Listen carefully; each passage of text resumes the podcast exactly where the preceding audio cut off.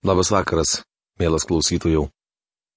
Šiandien toliau keliausime Naujojo testamento puslapiais. Priminsiu, kad esame pirmo laiško tesalonikiečiams pirmame skyriuje. Skyriaus tema - Kristaus ateimas yra įkvėpinti viltis. Nuo pirmos iki ketvirtos eilutės mes jumis žvelgiame į pratarmę, nagrinėjome potėme Evangelija priimta su tvirtu įsitikinimu ir didžiame suspaudime. Tai penkta, aštunta eilutės. Šiandien laida pradedama nagrinėdami Evangelijos vaisius. Prieš pradedami rašto apžvalgą, paveskime savo širdis Dievui ir paprašykime, kad Jisai padėtų mums suprasti tai, ką mes skaitome. Mūsų tėve, kuris esi danguje, mes dėkojame tau, kad tu mums save apreiškiai šventajame žodyje ir kad šiandien mūsų žvilgsnis gali būti nukreiptas į pirmąjį laišką tesalonikiečiams, kurį apaštalas Paulius parašė tesalonikos tikintiesiems. Dėkojame tau už tavo žodžio dvasę, kurią galime suprasti tik tai tada, kada tu suteiki suvokimą. Meldžiame dangaus Dievę, kad tu padėtų mums suprasti skaitomą tekstą, apmastyti, apsvarstyti savo širdyje ir prašome tavęs, kad tinkamai galėtume jį pritaikyti savo gyvenimams. Meldžiu dangiškasis Dieve, kad kiekvienas žmogus, kuris girdi dabar tavo žodžio aiškinimą, galėtų užduoti savo klausimą. O kaipgi tas žodis yra taikomas man? Ką aš turėčiau padaryti, kaip aš turėčiau pasikeisti savo mąstymę ir savo veiksmuose, kad patenkinčiau tave ir tas sąlygas, kurias tu man iškeli. To meldžiu viešpatės Jėzaus vardu. Amen. Taigi Evangelijos vaisiai. Mat iš jūsų pasklidęs viešpatie žodis ne tik pagarsėjo Makedonijoje bei Ahajoje, bet jūsų tikėjimas Dievu pasidarė žinomas visur ir mums jau nebereikia apie tai kalbėti. Pirmas laiškas tesalonikiečiams, pirmas skyrius, aštunta eilutė. Paulius suprato, kad geras šios bažnyčios vardas tuose kraštuose jau žinomas. Kadangi kitose vietovėse gyvenę tikintieji žinojo apie Tesalonikos bažnyčią, Pauliui nereikėjo apie ją pasakoti. Tai rodo, kad ši bažnyčia turėjo gerą vardą. Žmonės pasakoja apie mus, kai buvome jūsų priimti ir kaip jūs nuostabu atsivertėte prie Dievo, trokšdami tarnauti gyvajam, tikrajam Dievui ir laukti iš dangaus jo sunaus, kurį jis prikėlė iš numirusių Jėzaus, mus išgelbėsiančio nuo ateinančios rūstybės.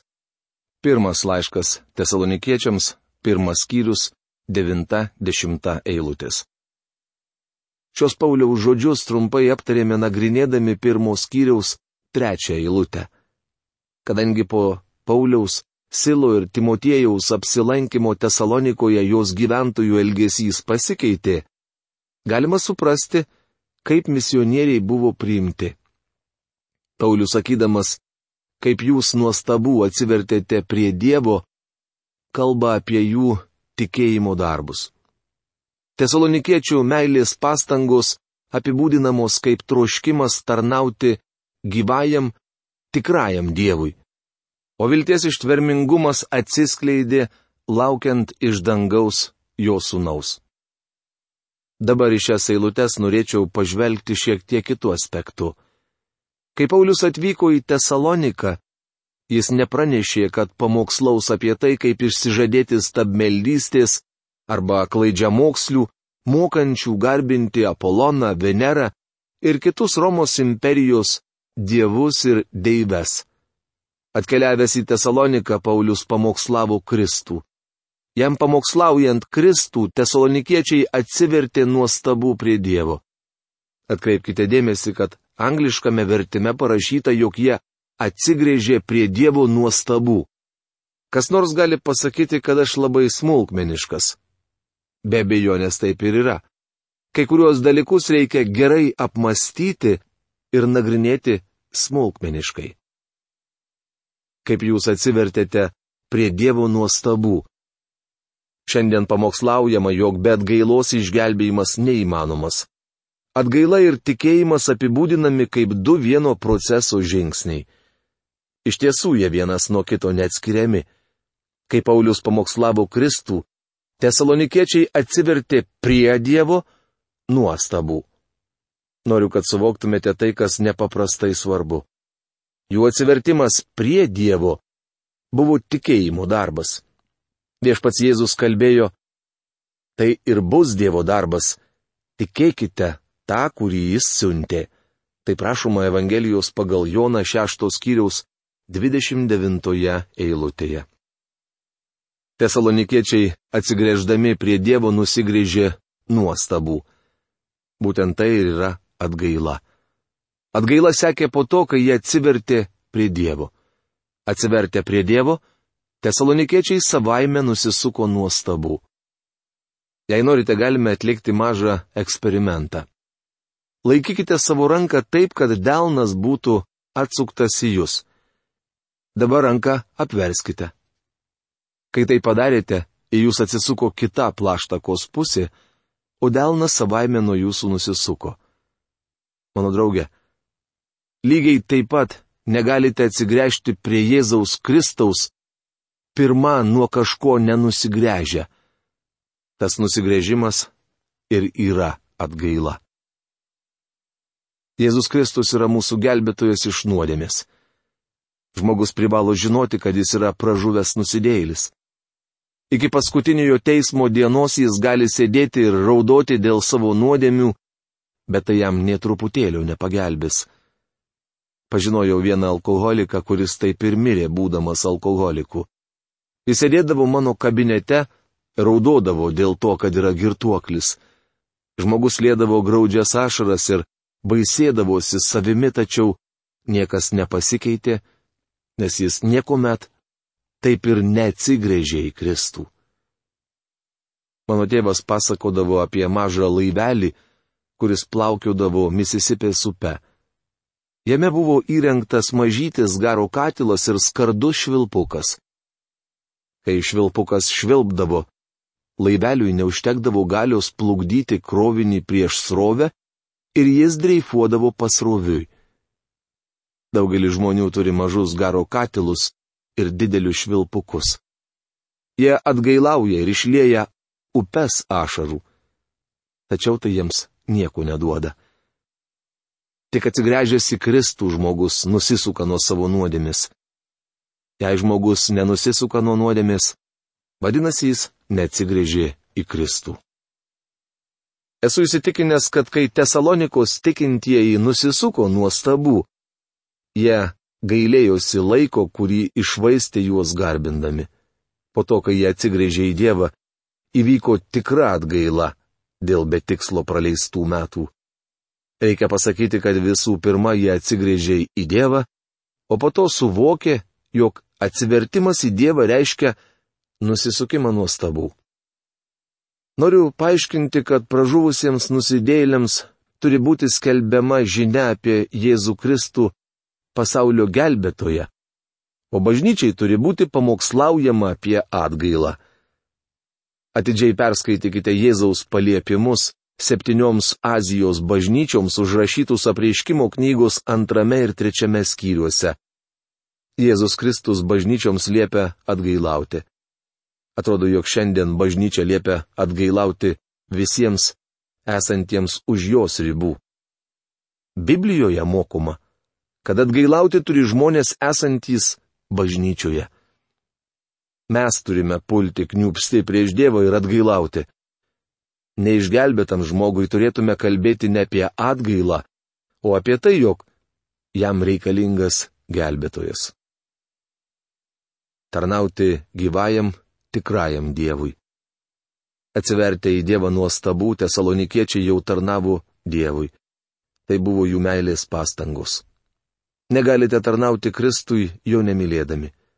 Evangelijos pagal Joną 14 skyriaus 15 eilutėje užrašyti viešpatės Jėzaus žodžiai. Jei mane mylite, jūs laikysitės mano įsakymų. Jei jo nemylite, jums neegzistuoja jokie jo įsakymai. Tikriausiai jums kyla klausimas, ką daryti tuo met, jei jums atrodo, jog norite pamokslauti Evangeliją, tačiau jo nemylite. Tuomet verčiau pasilikite namie. Eiti į visą pasaulį ir pamokslauti Evangeliją visai kūrinyje yra įsakymas duotas tiems, kurie jį myli. Jei jo nemylite, to daryti neverta. Evangelijos pagal Joną 21 skyriuje skaitome, kad viešpats Jėzus, kalbėdamas su Simonu Petru, nepaklausė, Petrai, kodėlgi tu manęs išsižadėjai? Jis nepasakė Petrai, ar pažadi geriau elgtis, jei leisiu pasakyti pamokslą per sėkmines. Jis nieko panašaus nekalbėjo. Jėzus paklausė, Petrai, ar myli mane? Jei Petras būtų atsakęs ne, manau, jog viešpats būtų jam liepęs pamiršti apie tarnavimą. Galbūt jums tai atrodo per griežta, tačiau ne aš tai pasakiau. Žodžius, jei mane mylite, jūs laikysitės mano įsakymų, pasakė viešpats Jėzus.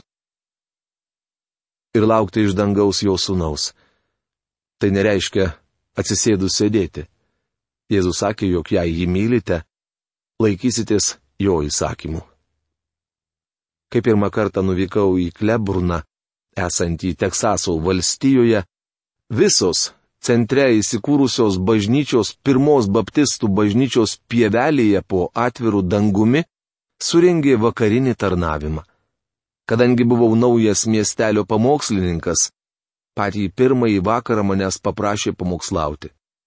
Vienos iš bažnyčių tarnautojas buvo girdėjęs, kad esu fundamentalistas ir pamokslauju apie tai, kad bažnyčia bus paimta iki didžiojo suspaudimo. Kita diena jis man pasakė, vakar klausiau jūsų pamokslo.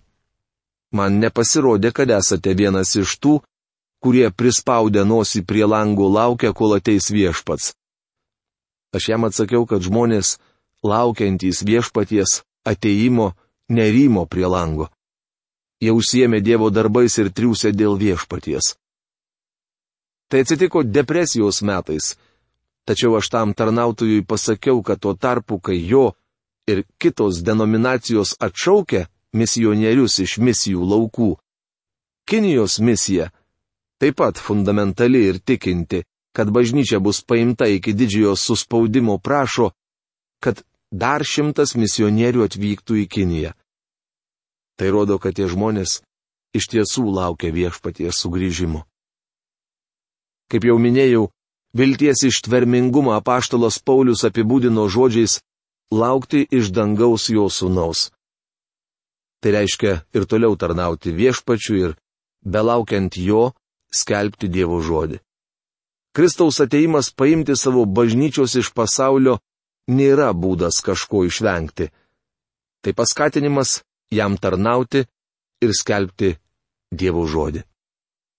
Apreiškimo knygos 22 skyriaus 20 eilutėje rašoma Ateik, viešpati Jėzau. Pirmas laiškas tesalonikiečiams, antras skyrius. Tema. Kristaus ateimas yra veiksminga viltis. Kristaus ateimas pasimti savo bažnyčios vadinamas bažnyčios paėmimu. Tai nėra tiesa, dėl kurios būtų galima ginčytis. Šią tiesą reikia gyventi. Deja, vieni žmonės tiki, jog Kristus ateis po didžiojo suspaudimo, o kiti sako, jog jis grįž anksčiau. Treti mano, kad jis grįž būtent didžiojo suspaudimo metu. Kai kas iš viso netiki, kad jis ateis nors ir tvirtina tiki juo kaip savo gelbėtoju. Visoms žmonių grupėms galima užduoti vieną svarbų klausimą kokią įtaką aiškinimas apie Kristaus ateimą daro jūsų gyvenimui. Ar jis kaip nors padeda? Jei jūsų požiūris neturi jokios įtakos gyvenimui, tuomet reikėtų dar kartą rimtai apmastyti, kuo tikite. Viešpaties sugrįžimas turėtų būti motyvas, skatinantis tikintįjį gyventi šventai. Tikro Kristaus liudytojo motyvai ir metodai. Jūs patys, broliai, žinote, kad mūsų apsilankimas pas jūs nebuvo bergžės. Pirmas laiškas Tesalonikiečiams antras skyrius, pirmą eilutę. Bergžės reiškia tuščias, bevaisis. Paulius sako, atėję pas jūs nepateikėme teorinių pasiūlymų. Atvykome ne dėl to, kad paskelbtume ką nors naują ar neįprastą, ko neįmanoma niekur pritaikyti. Mes neatvykome jūsų palinksminti. Apaštalo darbas nebuvo bergžės, Pauliaus atvykimas į Tesaloniką sukrėtė daugelį žmonių ir jie pažino išgelbstinčią Kristaus jėgą. Taip gimė bažnyčia. Paulius kalbėjo ne apie teoriją ar filosofiją, bet apie tai, kas Tesalonikoje buvo pritaikyta praktiškai. Evangelija skelbiama to miesto gatvėse, lietė vyrų bei moterų širdis ir keitė jų gyvenimus. Prieš tai, kaip patys žinote, nukentėję bei patyrę nuoskaudų Filipuose, pasitikėdami Dievu mes drąsiai skelbėme Dievo Evangeliją, nors kova buvo smarki. Pirmas laiškas tesalonikiečiams, antras skyrius, antra eilutė. Šioje eilutėje pavartotas graikų kalbos žodis agony reiškia ne tik kova, bet ir konfliktas arba agonija. Pauliui atkeliavus į Tesaloniką vyko stiprus konfliktas ir didelė vidinė agonija. Apaštalas sako, kad Filipuose jie nukentėjo bei patyrė nuoskaudų. Daugiau apie tai galite sužinoti skaitydami pasakojimą užrašytą apaštalų darbų 16 skyriuje. Atvykęs į Tesaloniką, Paulius vėl drąsiai pamokslavo. Kitaip tariant, dėl to, ką patyrė anksčiau, jis nesulėtino savo tempo ir nesumenkino Evangelijos. Po skausmingo patyrimo Paulius nepasakė, dabar aš pakeisiu savo požiūrį, būsiu taktiškesnis ir netoks tiesmukas Evangelijos atžvilgiu. Ne. Paulius nebuvo slaptas tikintysis. Tesalonikoje, kaip ir Filipuose, jis kalbėjo atvirai. Manau, kad Pauliui būtų buvę lengva sugalvoti racionalų pasiteisinimą. Jis galėjo nuspręsti, kad verčiau bus atsargesnis siekdamas laimėti draugus Kristui ir daryti žmonėms įtaką. Perdėtas taktiškumas ir neįkyrus skelbimas nebuvo būdas, kuriuo apaštalas Paulius skelbė Evangeliją. Jis kalbėjo drąsiai ir patirtos nuoskaudos nepakeitė jo nuostatos. Nuvykęs į Tesaloniką, apaštalas Paulius paskelbė Dievo žodį. Jei kas nors paprašytų jūs išrinkti geriausią Pauliaus pamokslą. Kurį pasirinktumėte? Esu tikras, jog jei surenktume apklausą, sulauktume labai skirtingų atsakymų. Po atsivertimo Damaske Paulius pasakė pirmą puikų pamokslą. Pradėjęs tarnavimą jis gerai pamokslavo Sergijaus Pauliaus akivaizdoje Kipro saloje. Pirmos misijų kelionės metu apaštalas pasakė šaunų pamokslą Pisidijos Antijochijoje. Mano nuomonė, tai vienas nuostabiausių apaštalo pamokslų.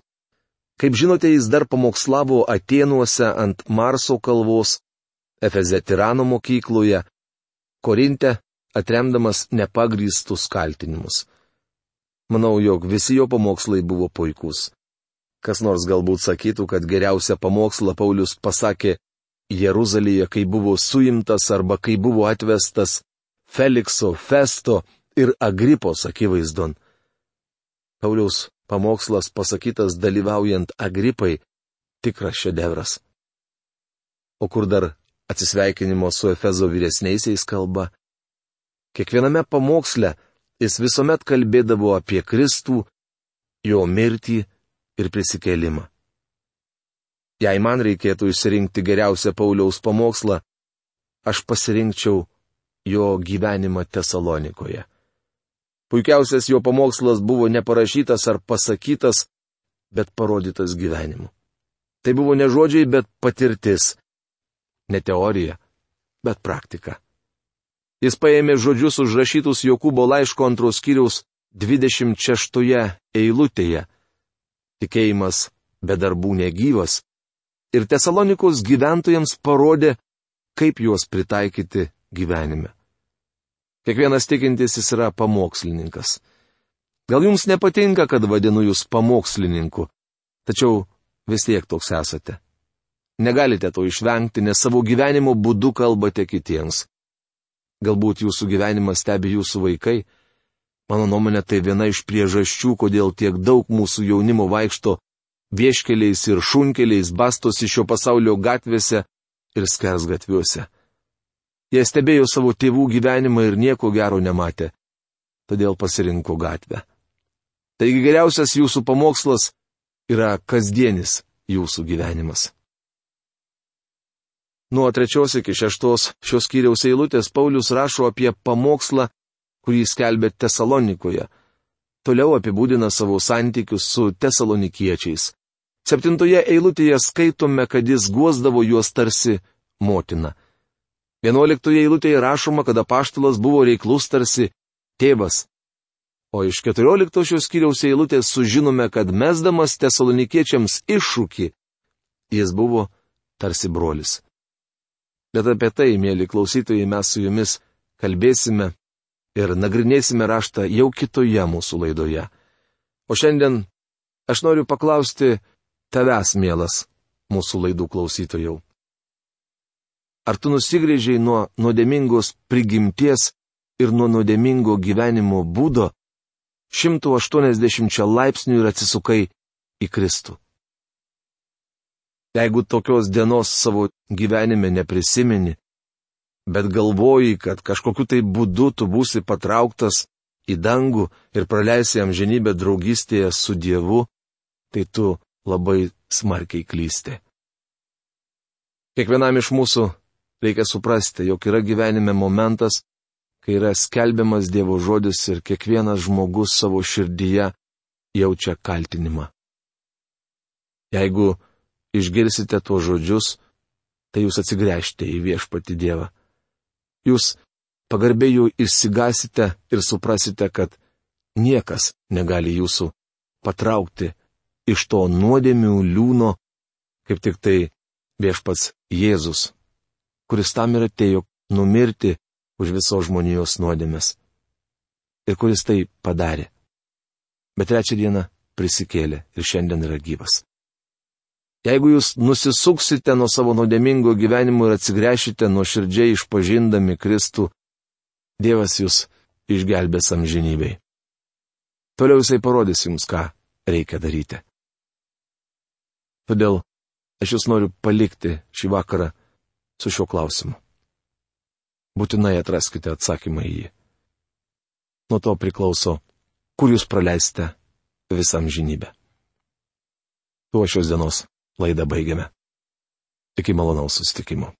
Sudė.